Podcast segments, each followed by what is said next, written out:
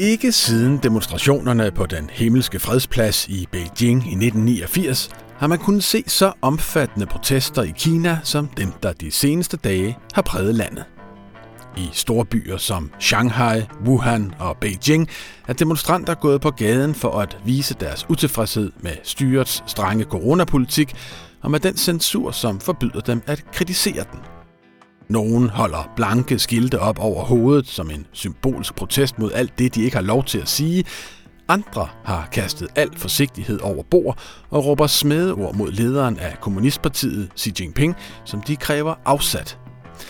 Den slags kritik er helt uhørt i kinesisk sammenhæng, og myndighederne har da også slået hårdt ned på uroen. Men hvor farlige er demonstrationerne for det kinesiske styre, og kan de ende med at føre til faktiske ændringer i det kinesiske samfund? Det taler jeg med udlandsredaktør og Kina-kender Lene Winter om.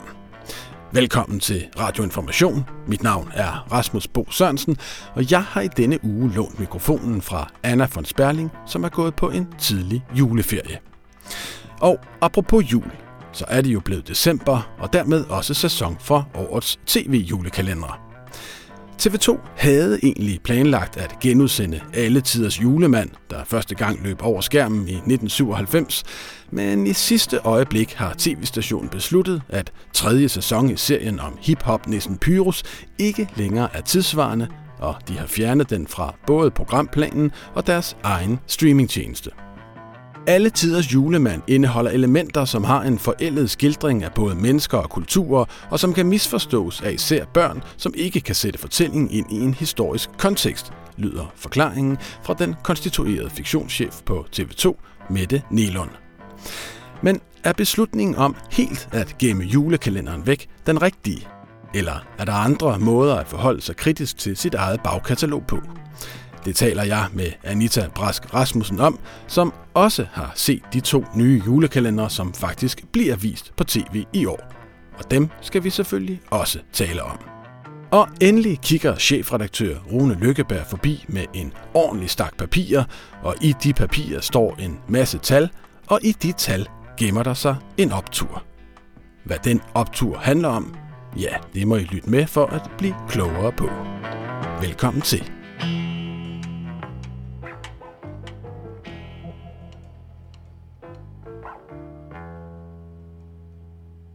Flere tusinde kinesere har de seneste dage været på gaden i mindst 13 storbyer for at vise deres utilfredshed med styret og landets coronapolitik. I ugens løb kunne man se videoer på de sociale medier, der viser kinesisk politi i hvide dragter bruge skjold til at beskytte sig selv mod kasteskyts fra vrede demonstranter. Måske ikke noget særsyn i international optik, men i kinesisk sammenhæng er det helt uhørt at se den slags direkte konfrontation med myndighederne i det kommunistisk styrede land. Lene Winter, velkommen til. Mange tak. Udover at være nuværende udlandsredaktør på Information, så er du jo også tidligere Asien-korrespondent for Berlingske og tidligere værter til retlægger på podcasten Kinasnak på Radio 24 Så jeg tænker, at du på alle måder er den uh, helt rette til at svare på, hvad det er, der foregår i Kina lige nu. Men først, er demonstrationerne egentlig kommet lige så meget bag på dig, som på de fleste andre Kina-kendere? Jeg synes bestemt, at det er nogle usædvanlige demonstrationer. Altså man skal huske på, at der er faktisk rigtig mange sådan, små protester i Kina.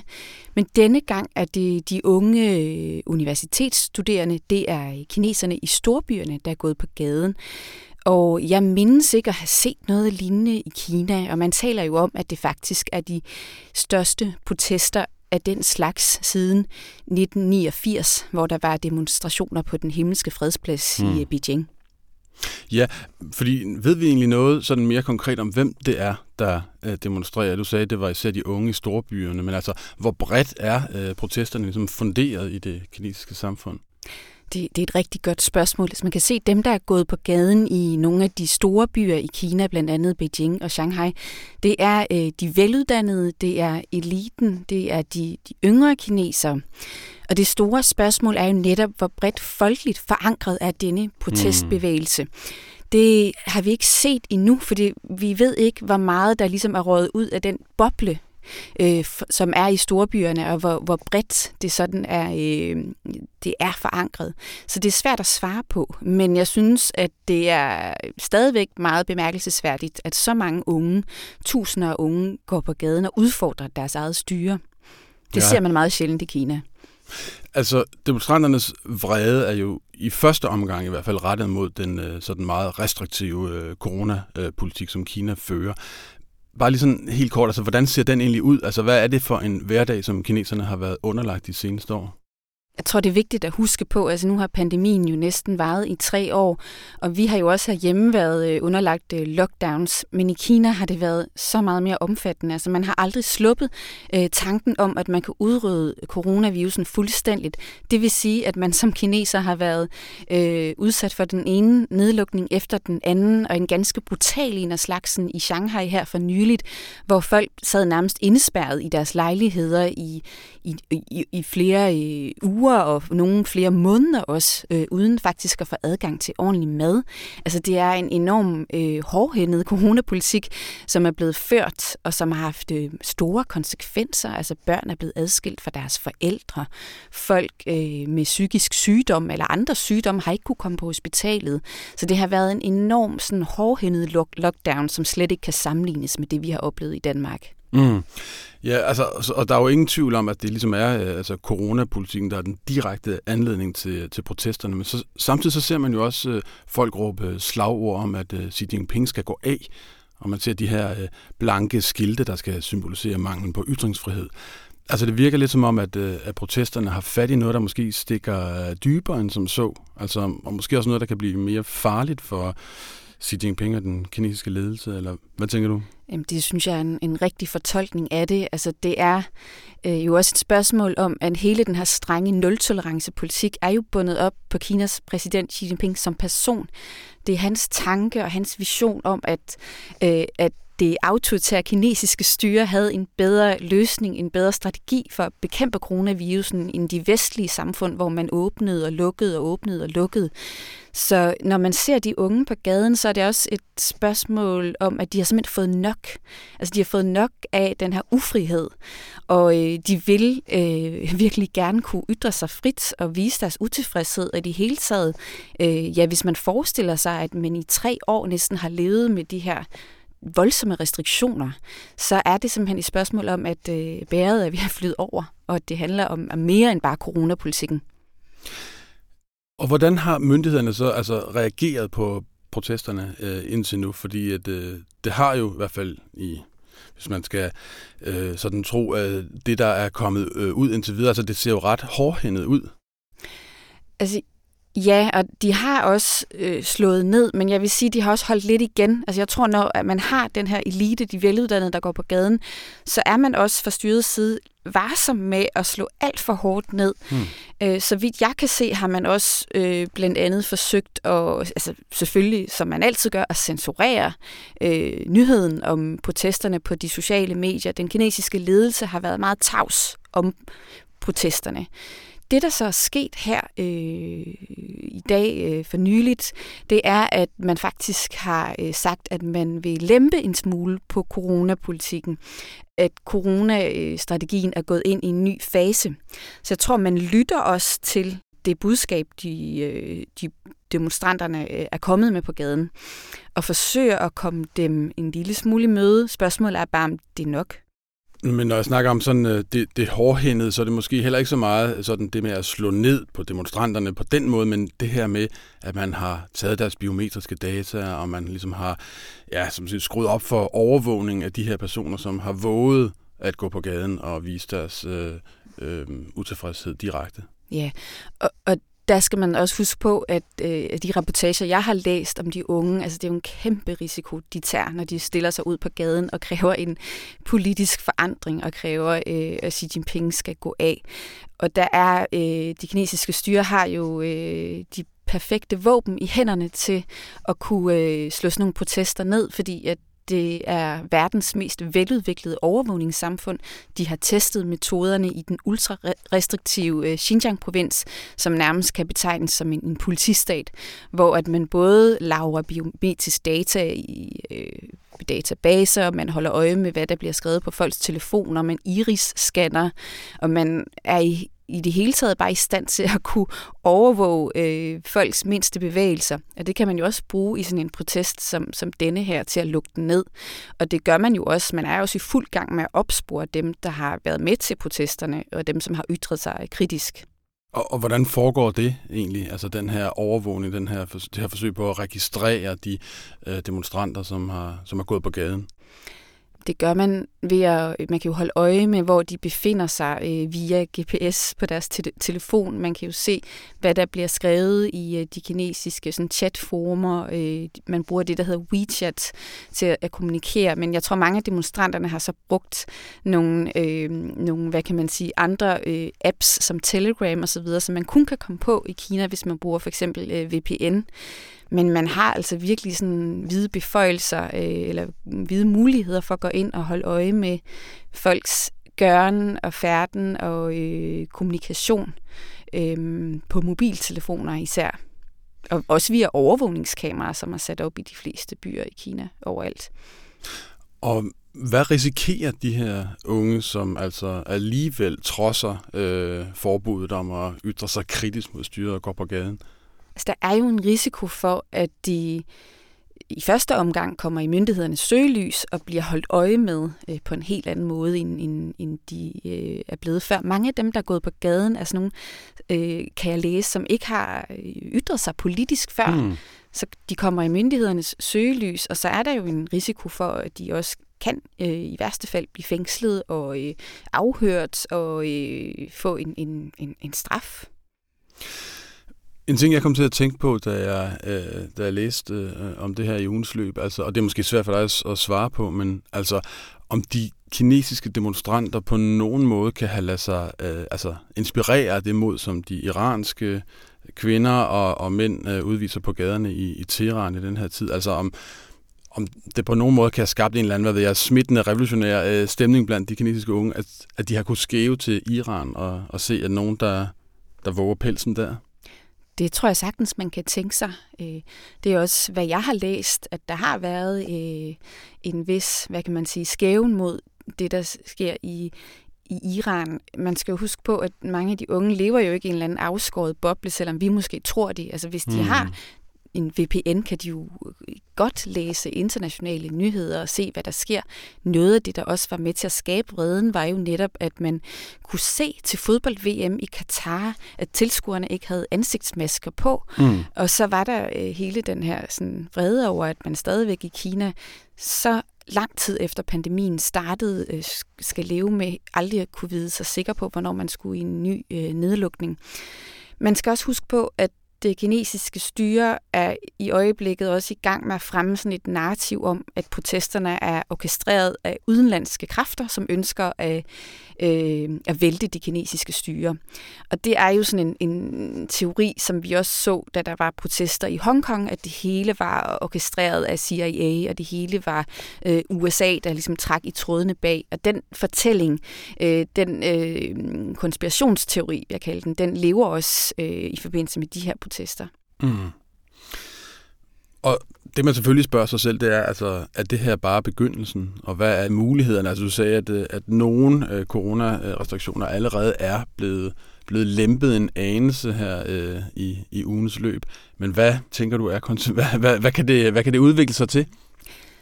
Jeg synes, det er helt vildt svært at spå om. Det virker som om, det vi ser lige nu, er, at det går lidt i sig selv. Men Mao Zedong, grundlæggeren af det kommunistiske Kina, har selv sagt øh, en gang øh, og skrevet, at øh, en lille gnist kan være med til at få sig en steppebrand. Og det er jo derfor, at man øh, fra styrets side bliver så bange, især når det er unge studerende omkring sådan universitetsmiljøerne, der går på gaden. Jeg tror i de kommende dage, at øh, det vil dæmpe sig en smule. Det vil være min teori, men man ved det jo ikke. Man kan jo ikke spå om det. Men øh, det vil de næste dage jo vise. Og hvad, hvad, vil du, øh, hvad vil du holde øje med i den sammenhæng? Tror jeg vil holde øje med, om dels om de fortsætter med at gå på gaden, og om der også øh, stadigvæk vil være noget, det, det der har været særligt, har været den sådan lidt koordinerede indsats, at det er flere forskellige store byer, hvor man er gået på gaden på samme tidspunkt, mere eller mindre. det synes jeg øh, vil være vigtigt at holde øje med, for at se, om det udvikler sig mere. Mm. Okay, jamen vi må se, om øh, gnisten bliver til en steppebrand, eller om bålet lige så stille dør ud i Kina. I hvert fald tak, fordi du kom, Lene Vinter. Det var så lidt.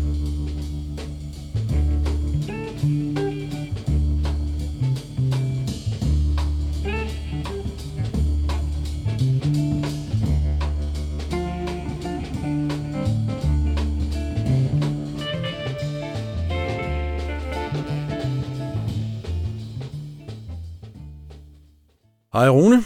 Hej Rasmus. Du har øh, noget øh, med til mig her. Der ligger jo en kæmpe bunke af printet papir på bordet foran dig. Hvad, hvad handler det om? Jamen, jeg mener faktisk, det er en overset, men overordentlig væsentlig optur fra det amerikanske midtvejsvalg. Og vi kan godt ligesom tage tabloid-versionen først. Skal vi gerne, gøre det? meget gerne. Rasekrigen i Amerika er aflyst. Bum. Fordi hvis man ser på tallene ved det amerikanske midtvejsvalg, så er der en meget stort ryg, eller i hvert fald signifikant ryg, af såkaldte latino voters, det vil sige dem fra spansktalende lande, fra Latinamerika. Der er en meget stor ryg af dem fra venstre mod højre. Det vil sige, der er langt flere af dem, der den her gang stemmer republikansk, end der var sidste gang. Ved sidste valg var det omkring to tredjedel af latino voters, der stemte demokratisk, og den her gang, der er det omkring 55 procent, og så er der 39, der stemmer, øh, der stemmer republikansk. Der er en del sorte mænd, som sidste gang stemte stemt demokratisk, som den her gang stemmer republikansk. Og hvorfor er det en ekstremt positiv nyhed? Kunne man spørge. Ja, det er det, fordi at det viser, at amerikanerne stemmer ikke efter race.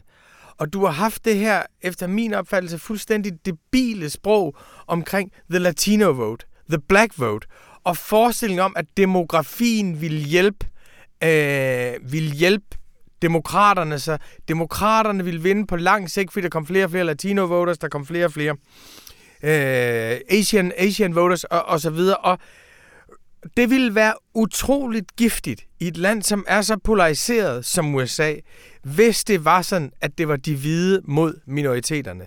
Det er en meget nemmere politisk konflikt at håndtere, hvis man siger, det her, det er folk med forskellige overbevisninger. Nogle sorte mænd stemmer republikansk, nogle sorte mænd stemmer demokratisk. Det er stadigvæk de fleste sorte, der stemmer demokratisk, men det forhold, at den politiske kamp i USA ikke er en racekamp, synes jeg er ekstremt opbyggelig.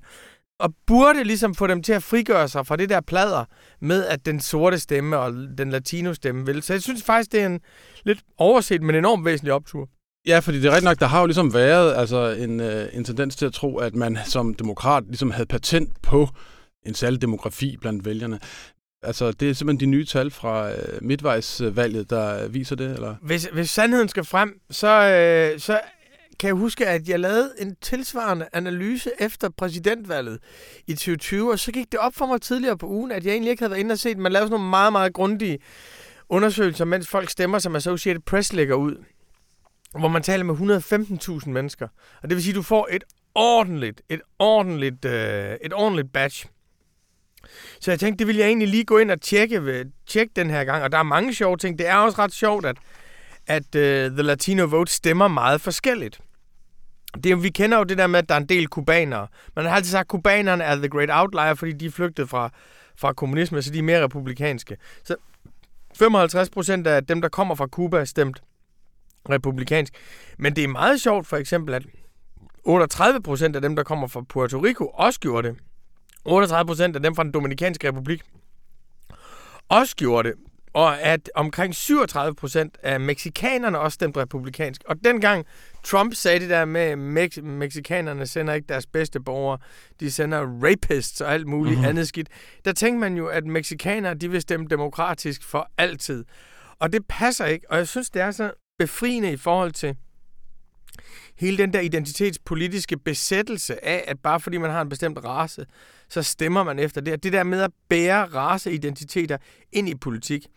Der er jo ikke nogen tvivl om, at en raceidentitet bliver til en politisk identitet. Altså, at, at den sorte bevægelse i USA er ikke en, en racebevægelse. Det er en bevægelse, som kæmper for nogle bestemte politiske rettigheder. Men det, der har været så opløftende ved Black Lives Matter i forhold til tidligere civil rights movements, det er jo, at der er en masse hvide, der gik med den her gang. At det ikke var de hvide mod de sorte. Og det synes jeg afspænder og afmoraliserer og afmilitariserer hele konflikten. Og når man tænker på alle de tendenser, vi får fra USA, så siger jeg, ja tak, den her tendens vil jeg også gerne have. Og hvilken sådan, altså udfordring stiller det så for eksempel demokraterne overfor, altså at de ikke altså til synlande længere bare kan regne med the black vote for eksempel? Jamen, jeg vil sige, det tvinger dem til den erkendelse, at de har ikke nogen constituency, som er givet på grund af deres raser. Hvis du så ser på nogle andre, så kan du se, at den store divide for demokraterne, det er stadigvæk uddannelse. Altså det vil sige, at i stedet for at lave særpolitik for, for, for latinos, så kan du se, at der er en, der er en overvægt af, af latinos i flere stater, som ikke har en collegeuddannelse, som stemmer republikansk, mens der er mange, der har en collegeuddannelse, som stemmer demokratisk. Og det betyder, at du skal lave politik ud fra interesser og ud fra politisk kapital i stedet for. Og det tror jeg vil være godt for alle parter. Men omvendt så betyder det her vel ikke, at, hvad skal man sige, identitetspolitik er ude af amerikansk politik? Overhovedet ikke, og det synes jeg heller ikke, det skal være. Altså, identitetspolitik er vigtigt. Hele fundamentet for arbejderbevægelsen, hele fundamentet for kvindebevægelsen, det er, at man siger, der er noget i min identitet, som forhindrer mig i at kunne realisere mig selv som borger. Og det er faktisk vejen frem i demokrati, det er dem, der står udenfor, og få dem indenfor. Så identitetspolitik er fundamentet for universalisme. De to ting er faktisk ikke modsætninger. I hvert fald, hvis man forstår det rigtigt. Identitetspolitik kan også være det modsatte. Og det betyder heller ikke, at der ikke er sorte, der bliver sat som en minoritet, fordi de er udsat for racisme. Det betyder bare, at du ikke kan slutte fra race til stemme, at ingen borgere er et til et funktioner af den hudfarve, de er født med. Og det er jo egentlig en meget god optur. Det er faktisk en... Når man tænker på, hvor meget andet vi har hørt, og hvor meget det er blevet taget for en analytisk sandhed, så synes jeg faktisk, det er en kæmpe optur. tak for det, Rune Lykkeberg. Helt tak. Er det ikke spændende? Jo, det er spændende.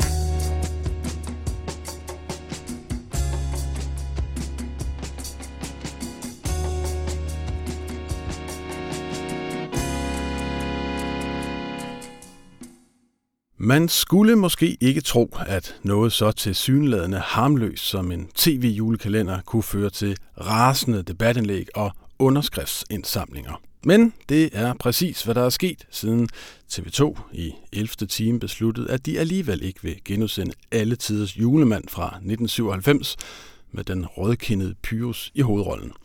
Efter et gennemsyn har tv-stationen vurderet, at julekalenderen indeholder potentielt stødende indhold, der er uegnet for børn og moderne mennesker. Anissa Brask Rasmussen, velkommen til. Tak skal du have. Du har jo skrevet leder om Pyros Gate her i uh, ugens løb. Kan du ikke uh, lige give os et kort referat af, hvad det egentlig er, den sag handler om? Jo, den handler jo om, at øh, TV2 øh, havde planer om at genudsende den her øh, julekalender, som de jo har gjort øh, flere gange tidligere.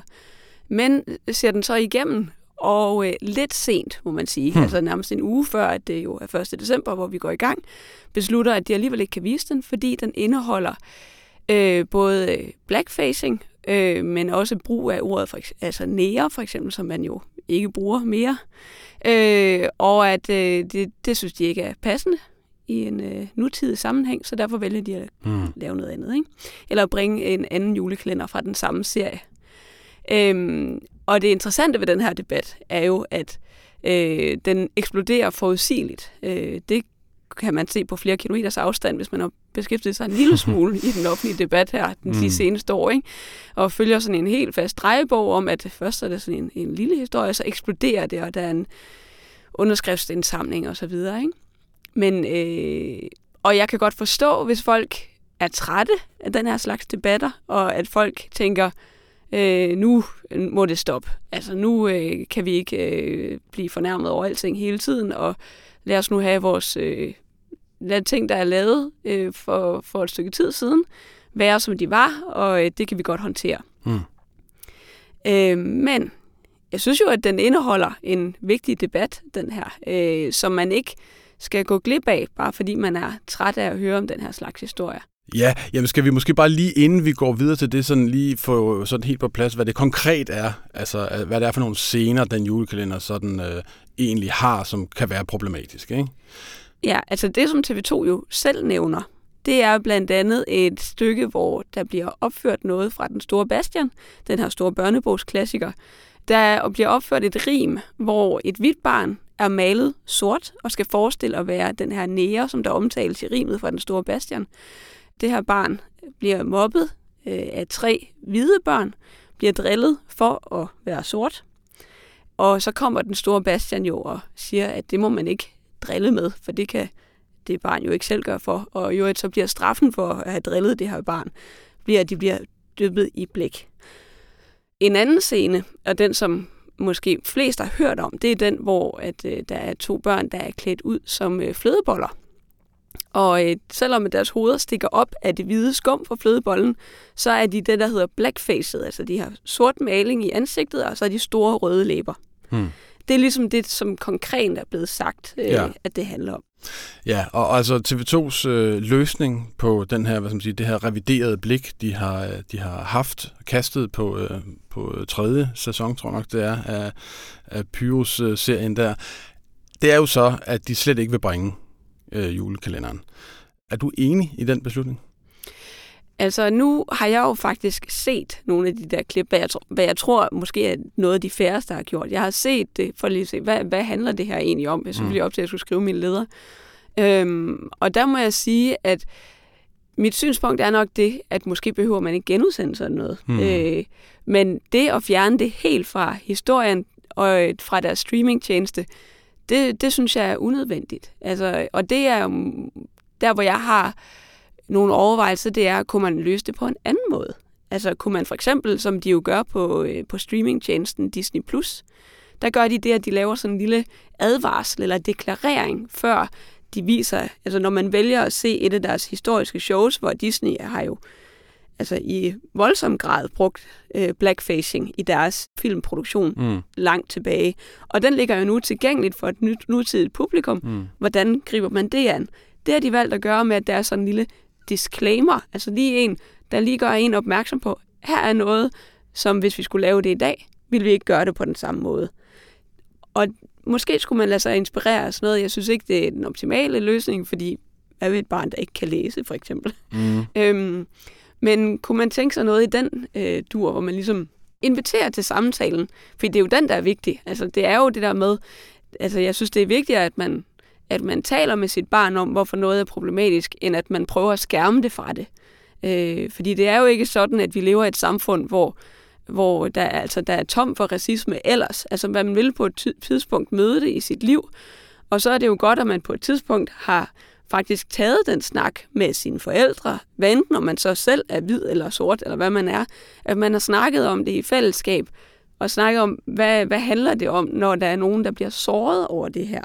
Øh, jeg siger med vilje såret, fordi, og ikke krænket. Mm. Det lyder så... Øh, det, det har nogle helt andre associationer, hvor man, folk bliver jo faktisk såret over det. Og det er der jo ikke nogen, der har lyst til, at folk bliver. Det tvivler jeg stærkt på. Så lad os tage en snak om, hvorfor bliver de såret? Øh, hvorfor er det her problematisk?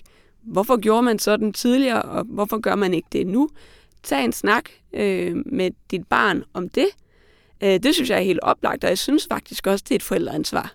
Øh, og der er jo meget af det i dag, at børn de sidder alene med deres skærm. Det er jo, den tid er forbi, hvor vi alle sammen sad og så det samme på samme tid, hvor barnet så kan stille et spørgsmål, hvis de ser et eller andet, de synes, det var da egentlig mærkeligt. Mm. Hvorfor, øh, hvorfor, når de er flødeboller, hvorfor de så malet sorte i ansigtet? Det er jo meningsløst. Hvad er det der egentlig?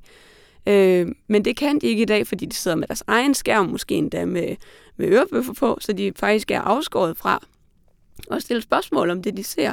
Så vi skal ligesom vi skal hjælpe dem med, altså det synes jeg er et forældreansvar, man hjælper sine børn til at være sådan en, der stiller et spørgsmål, siger, der, der var noget i det der, som jeg synes var underligt. Så bliver de nødt til selv at opsøge et svar, fordi der sidder ikke en lige ved siden af dem, som de kan spørge. Øh, og i det hele taget tror jeg, at vi, at vi er simpelthen ikke trænet i at, at forholde os til det, vi hverken læser eller ser på den måde. Det er jo også det, at vi som voksne mennesker oplever nu. Altså, den er gammel, Pyrus-serien, øh, og øh, alle tider julemand. Men så gammel er den jo altså heller ikke. Nej. Øh, og det er jo ret ubehageligt. Det synes jeg da selv, da jeg så sad og så det der klip, og jeg tænkte, okay, det har jeg faktisk set mm. der i 97, hvor jeg har været 17 år gammel. Øh, det har jeg sikkert set sammen med mine mindre søskende. Jeg har overhovedet ikke stusset over det. Mm. Og det gør jeg i dag. Altså, mm. jeg ser det på en anden måde i dag, og jeg er bestemt ikke øh, overfølsom over for den slags, men jeg ser det på en, med nogle andre øjne, end jeg gjorde øh, dengang. Og jeg, jeg har heller ikke lært at forholde mig til det, jeg ser på en kritisk måde. Og det er da mere end nogensinde vigtigt, at man lærer det, uanset hvad det så handler om. Altså, fake news, hvad har vi? Mm. Det, og det er faktisk et forældreansvar, at børn ikke bare sidder og indoptager. Der vil være nogle ting, man sagtens kan bare parkere dem foran, og jamen, se du bare noget Paw Patrol og sådan noget. Ikke? Og så er der andre ting, hvor man skal være lidt mere aktiv. Øhm, og det, må jeg, det, det er bare ærgerligt. Altså sådan er det bare. Det bliver man nødt til at forholde sig til som voksen. Jeg synes, det er meget sjovt, når man ser på altså, nogle af, af reaktionerne. Øhm, så, så synes jeg meget af det, som kritikere af TV2's beslutning ligesom stejler over, det er, at skulle Pyrus nu være racistisk? Og dermed også, altså hvad siger det så om mig, at jeg har siddet og set det uden at altså, tage anstød af det, eller har lagt mærke til det, eller sådan noget. Er jeg så også racistisk? Øh, jeg kunne godt tænke mig lige at faktisk at læse op for dig, hvad øh, Nick Zimmermann, der er nyvalgt folketingsmedlem for Dansk Folkeparti, har sagt til TV2 Østjylland. Han siger nemlig, TV2 går de vilde, venstreorienterede identitetspolitiske aktivisters ærne. De ser racister og racisme overalt, og når TV2 bøjer sig for deres dagsorden, så underbygger de forestillingen om, at der er racisme over det hele. Det kan et hvert tænkende menneske jo sige sig selv ikke er tilfældet.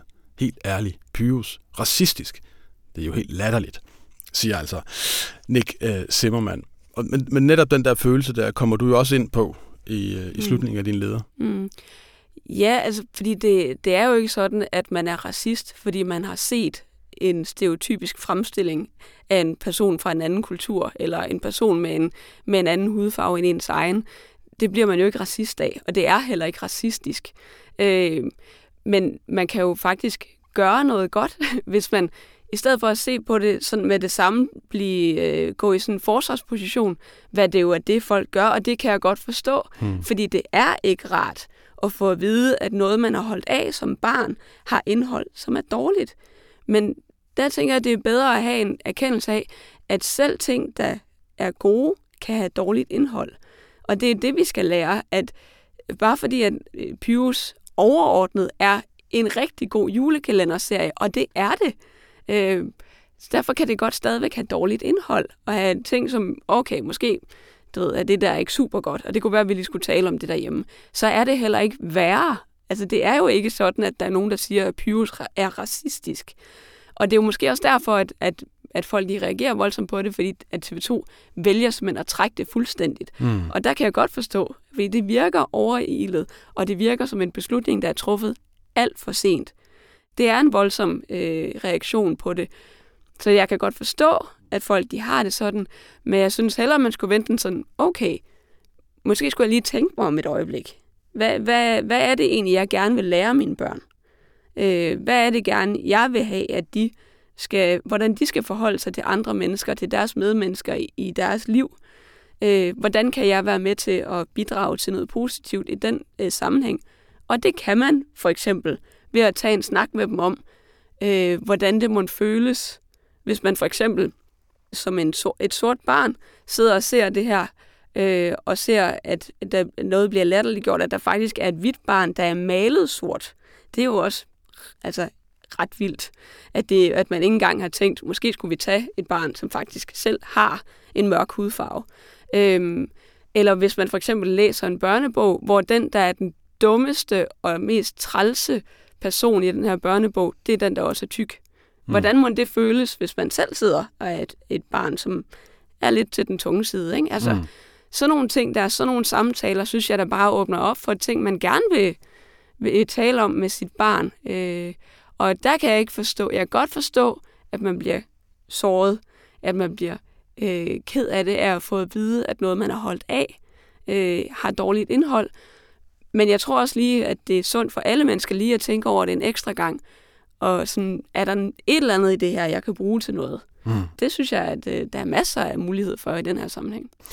Den opfordring er givet videre, men nu synes jeg faktisk, at vi har talt længe nok om en julekalender, som ingen alligevel kommer til at se i år. Så lad os i stedet vende blikket mod de julekalender, som faktisk bliver vist. Og, og nu ser jeg julekalender i flertal, fordi at øh, TV2 har jo helt ekstraordinært valgt at bryde deres øh, gentleman agreement med DR øh, om øh, at skiftes til at vise en nyproduceret julekalender. Og det betyder, at du som julekalenderkritiker øh, i år har skulle anmelde helt to af slagsen, nemlig øh, Julehjertets Hemmelighed på DR og Tinka og Sjælens Spejl på TV2. Og dem synes jeg også lige, vi skal nå at snakke om, især fordi du faktisk er ret begejstret for dem begge, men på hver sin måde. Er det ikke rigtigt? Øh, jo, og jeg vil egentlig gerne starte med at sige, at øh, det, der kendetegner dem begge to samlet, det er jo, at de er meget ambitiøse.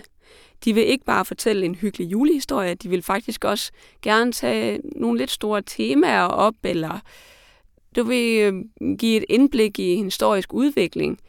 Og det var jo noget af det, Pyrus faktisk var en af de første, der gjorde. Hmm. Øh, Pyrus er jo ikke bare en historie om en hiphop-nisse, øh, fordi det er jo nok det, de fleste af os husker, men det er jo faktisk også en historisk gennemgang af julens historie, af eventyrenes historie, og det var faktisk Pyrus, der startede med det.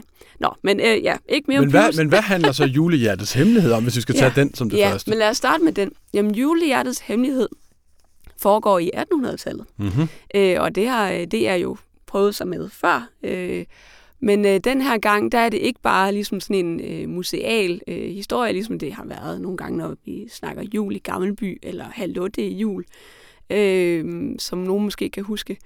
Men den her julehjertets hemmelighed, den foregår på en herregård i 1800-tallet, og er sådan en upstairs-downstairs historie. Okay. Vi følger simpelthen to familier, altså herre, herremandens familie, og så nogle af de tyende, altså en familie, der simpelthen arbejder for herremanden, både i køkkenet, Moren er kogekone, og faren arbejder i stallene. Og så har de jo selvfølgelig tre børn. Og den ene af børnene, det er en dreng, der hedder Rasmus. Han er staldreng. Og så har de datteren Karen, som skal til at fylde 13 år. Og så, jamen det er jo 1800-tallet, mm. så skal man ud og tjene nogle penge. Det er der er brug for, øh, når man tilhører det samfundslag. Og der skal hun så starte i køkkenet på øh, herremandens øh, gård her. Øh, og det, der er det interessante, synes jeg jo, det er, at staldrengen her er noget så særligt som klassebevidst. Øh, jo, ja. hvor man siger en meget tidligt øh, klassebevidst ung mand øh, i den her brydningstid. Jo. Hvor at øh, man jo i hele Europa begynder at tale om tynes rettigheder. Lidt senere kommer til Danmark. Men øh, han er altså meget klassebevidst, men er også en smule forelsket i Hermans datter. Åh oh, ja. Ja, og det er jo svært, for det kan han jo ikke være. Han kan jo ikke mænge sig med herskabet, når han er, når han er tyne, tilhører de tyne. Nej, det går ikke. Og de bruger endda ordet proletar. Det er jo herligt. Så det er jo, det, det er jo et eksempel på, at den er, øh, at den er ambitiøs i sin måde og gerne vil fortælle, ikke bare fortælle en historie, der foregår i sådan et historisk scenografi, men faktisk også tager sin periode alvorligt og vil fortælle lidt om, hvad var det egentlig, der foregik dengang? Hvad var det for nogle øh, problemer, man gik med? Hvad, hvordan kom de til udtryk? Det er ret ambitiøst. Ja, så altså en øh, klassebevidst kærlighedshistorie, hvis man øh, tuner ind på øh, DR1. Mm-hmm. Hvad så, hvis man øh, flækker over til, øh, til TV2? Hvad får man så? Ja, så Tinka får man, og sjælens ja, spejl. så får man endnu et afsnit i uh, Tinka-historien, som jo er den tredje sæson, kan man nærmest sige, fordi det begynder at føles sådan, ikke, når man ser de her julekalendere, der bliver øh, udsendt i serier. Og særligt med Tinka og, og, og hendes historie, fordi at den sådan har, altså anden øh, udgave af den, som hed øh, Tinka og Kongespillet, var sådan helt Game of Thrones-agtig. Og det, der det relevante med at nævne den, det er, at den slutter med, at Tinka genvinder sin retmæssige øh, øh trone i øh, nissernes rige og bliver indsat som monark. Men det første, hun gør som regent, det er faktisk at afskaffe monarkiet, og i stedet for at danne nissernes samling, mm-hmm. som så skal regere øh, nissernes rige fremadrettet. Øh, og det er så der, vi starter i Tinka og Sjælens spejl. Og det helt vidunderlige ved det er jo, at det, som øh, Tinka og Sjælens spejl viser, det er, at en ting er at vinde demokrati, eller i hvert fald øget indflydelse til flere folk. Noget andet er faktisk at få det til at fungere i praksis, fordi de skændes jo i nissernes samling, de øh, plejer deres egne interesser, og, og derudover så er der også det her med, at, at øh, de kæmper med en udfordring, som de har arvet fra nogle tidligere generationer. Et, et stort område af nissernes rige trues af oversvømmelser. Og øh, nissernes samling er, virker handlingslammet, fordi de kan ikke finde ud af, alle plejer ligesom deres egne interesser, de kan ikke finde ud af, hvem der skal gøre hvad. Og det er så det, tænker hun kæmper med. Øh, Udover selvfølgelig nogle personlige udfordringer. Så det kaster, hele det her kaster hende ligesom ud i sådan en eksistentiel krise. Øh, hvordan skal hun overhovedet få det her nye system til at fungere? Og hvilken rolle spiller hun i det? Øh, og det er jo i sig selv øh, ret ambitiøst at ville fortælle det i en julekalender. Ja, så altså, okay, så du altså har, det lyder som sådan en, en, en ren øh, even, eventyrhistorie her, mm. ikke? Og hvorimod du så over på DR har en mere sådan øh, en historie om klassesamfund og sådan noget. Det, det lyder også som om det er sådan helt klassisk delt op, altså hvad DR tager sig af, og hvad TV2 tager. Altså jeg kommer til at tænke på sådan noget med, med, med borgen over for badehotellet, mm. som jo begge, ved jeg, altså er, er serier, som du holder af. Mm. Øh, men de er jo meget forskellige. Der er en politisk overbygning på den ene, og så er der sådan en, en, en mere underholdning, altså mere ren underholdning i den anden. Er det lidt sådan, øh, er det lidt det samme, der er på spil her i de her to julekalender? Det kan man sige. Altså, der er jo også det, at øh, manuskriptforfatteren og instruktøren på Julehjertets Hemmelighed er Paul Berg, mm-hmm. som også skrev den, der hedder Tidsrejsen, som faktisk blev genudsendt sidste år, som er en af de bedste julekalender, der er blevet vist længe. Men og den var en rigtig DR-julekalender, fordi det, den for eksempel ikke havde, var, den havde ikke særlig meget jul. Nej. Og det har DR modtaget kritik for øh, de seneste år, at de, deres julekalender er ikke særlig julet. Altså nogle gange, de har handlet om død, og de, altså, de har handlet om alt muligt. Tidsrejsen handler jo om at håndtere en skilsmisse, for eksempel. Mm. Men så har man så indført en julehistorie i øh, Julehjertets Hemmelighed. Øh, der er navnet, mm-hmm. kan man sige. Og det fungerer til gengæld ikke helt lige så godt, som det gør hos Tinka. Fordi det er de simpelthen ikke lige så gode til i DR. Altså det, TV2, de kan det her med de helt rene koncepter, ligesom du nævner badehotellet for eksempel. Mm. Altså det er så stilrent et mm. koncept, at man accepterer nærmest hvad som helst inden for den her farse-ramme, fordi det er så gennemført. Der er DR ikke helt. Øh, og det så vi faktisk også i sådan, hvis man har set sådan noget som Carmen Køllers, der prøver de også en lille smule med sådan et koncept, hvor de lige pludselig bryder ud i dans, men de, de tør ikke helt gennem, altså gennemføre det. Og det er lidt det samme med det her med DR, at, øh, at den her julehistorie, der løber ved siden af med Karen og Nissen Rumle, det er den mindst interessante. I hvert fald forløbigt. Ja. Nu må vi jo lige se. Jeg vi har trods alt kun set øh, få afsnit. Det er kun lige blevet december. Anissa, tiden uh, iler, og vi skal til at stoppe, men jeg vil bare lige høre her uh, til allersidst. Det her med, at TV2 har uh, brudt uh, musketereden og nu konkurrerer direkte med, med DR om seerne i december på julekalender. Altså er det, uh, er det en ny sådan, uh, julekalenderkrig, vi er ude i, og, og hvem kommer til at, at vinde den, altså mål på seertal? Jamen altså, jeg altså, tænker er jo en kæmpe succes, mm. og der er jo ikke noget tvivl om, at det er med den her prøver ligesom at lave. Det er endda, de er i gang med at optage en øh, efterfølger til Julehjertets Hemmelighed, som så skal vises i påskedagene. De vil også rigtig gerne lave sådan en, hvor de kan bare lave øh, julekalender efter julekalender, som bare, hvor folk de spaner ned i Føtex for at få en tænke jule øh, nisse hue, og de, øh, og de flår de der samlekort ned øh, fra, øh, fra kassebåndet og så videre, ikke? fordi deres børn skal øh, samle kort og så videre. Så jeg vil sige, indtil videre ligger TV2 rigtig godt. Det, er, det der med de brede, folkelige fortællinger, der er de altså stadigvæk dem, der har øh, den rigtige opskrift. Det er gør det rigtig godt, og jeg er som, som kritiker er jeg selv mest begejstret for historier som, som Tidsrejsen eller Julefeber, den helt vidunderlige Julefeber, der bliver sendt. Men hvis jeg skal, hvis jeg skal sådan sige, hvad jeg forestiller mig, der vil blive set mest hjemme i de små hjem, så er det Tinka. Altså, hun er en stjerne. Anita, du er også en stjerne. Tak fordi du øh, kiggede forbi. Selv tak. Og det var, hvad vi havde i denne uge. Men hvis du har lyst til at lytte til mere information, så vil jeg da anbefale dig, at du tjekker vores oplæste artikler ud. Det kræver ganske vist et digitalt abonnement, men det koster til gengæld kun 215 kroner, og så kan du jo samtidig downloade vores nye app i enten Google Play eller App Store og lytte til artiklerne der. Så smart er det nemlig. Jeg hedder Rasmus Bo Sørensen, og programmet her var som altid redigeret af Anne Pilegaard Petersen. Og så er der vist bare tilbage at ønske dig en rigtig dejlig weekend.